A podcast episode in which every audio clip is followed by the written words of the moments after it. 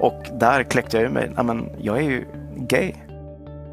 Att ens behöva känna att det är en politisk fråga huruvida jag får eh, liksom ligga med min fru. Alltså jag tänker på första gången när någon kallade mig för Chester i skolan. Det var liksom sån här, okej okay, nu är det verkligen ute och de accepterar mig för det.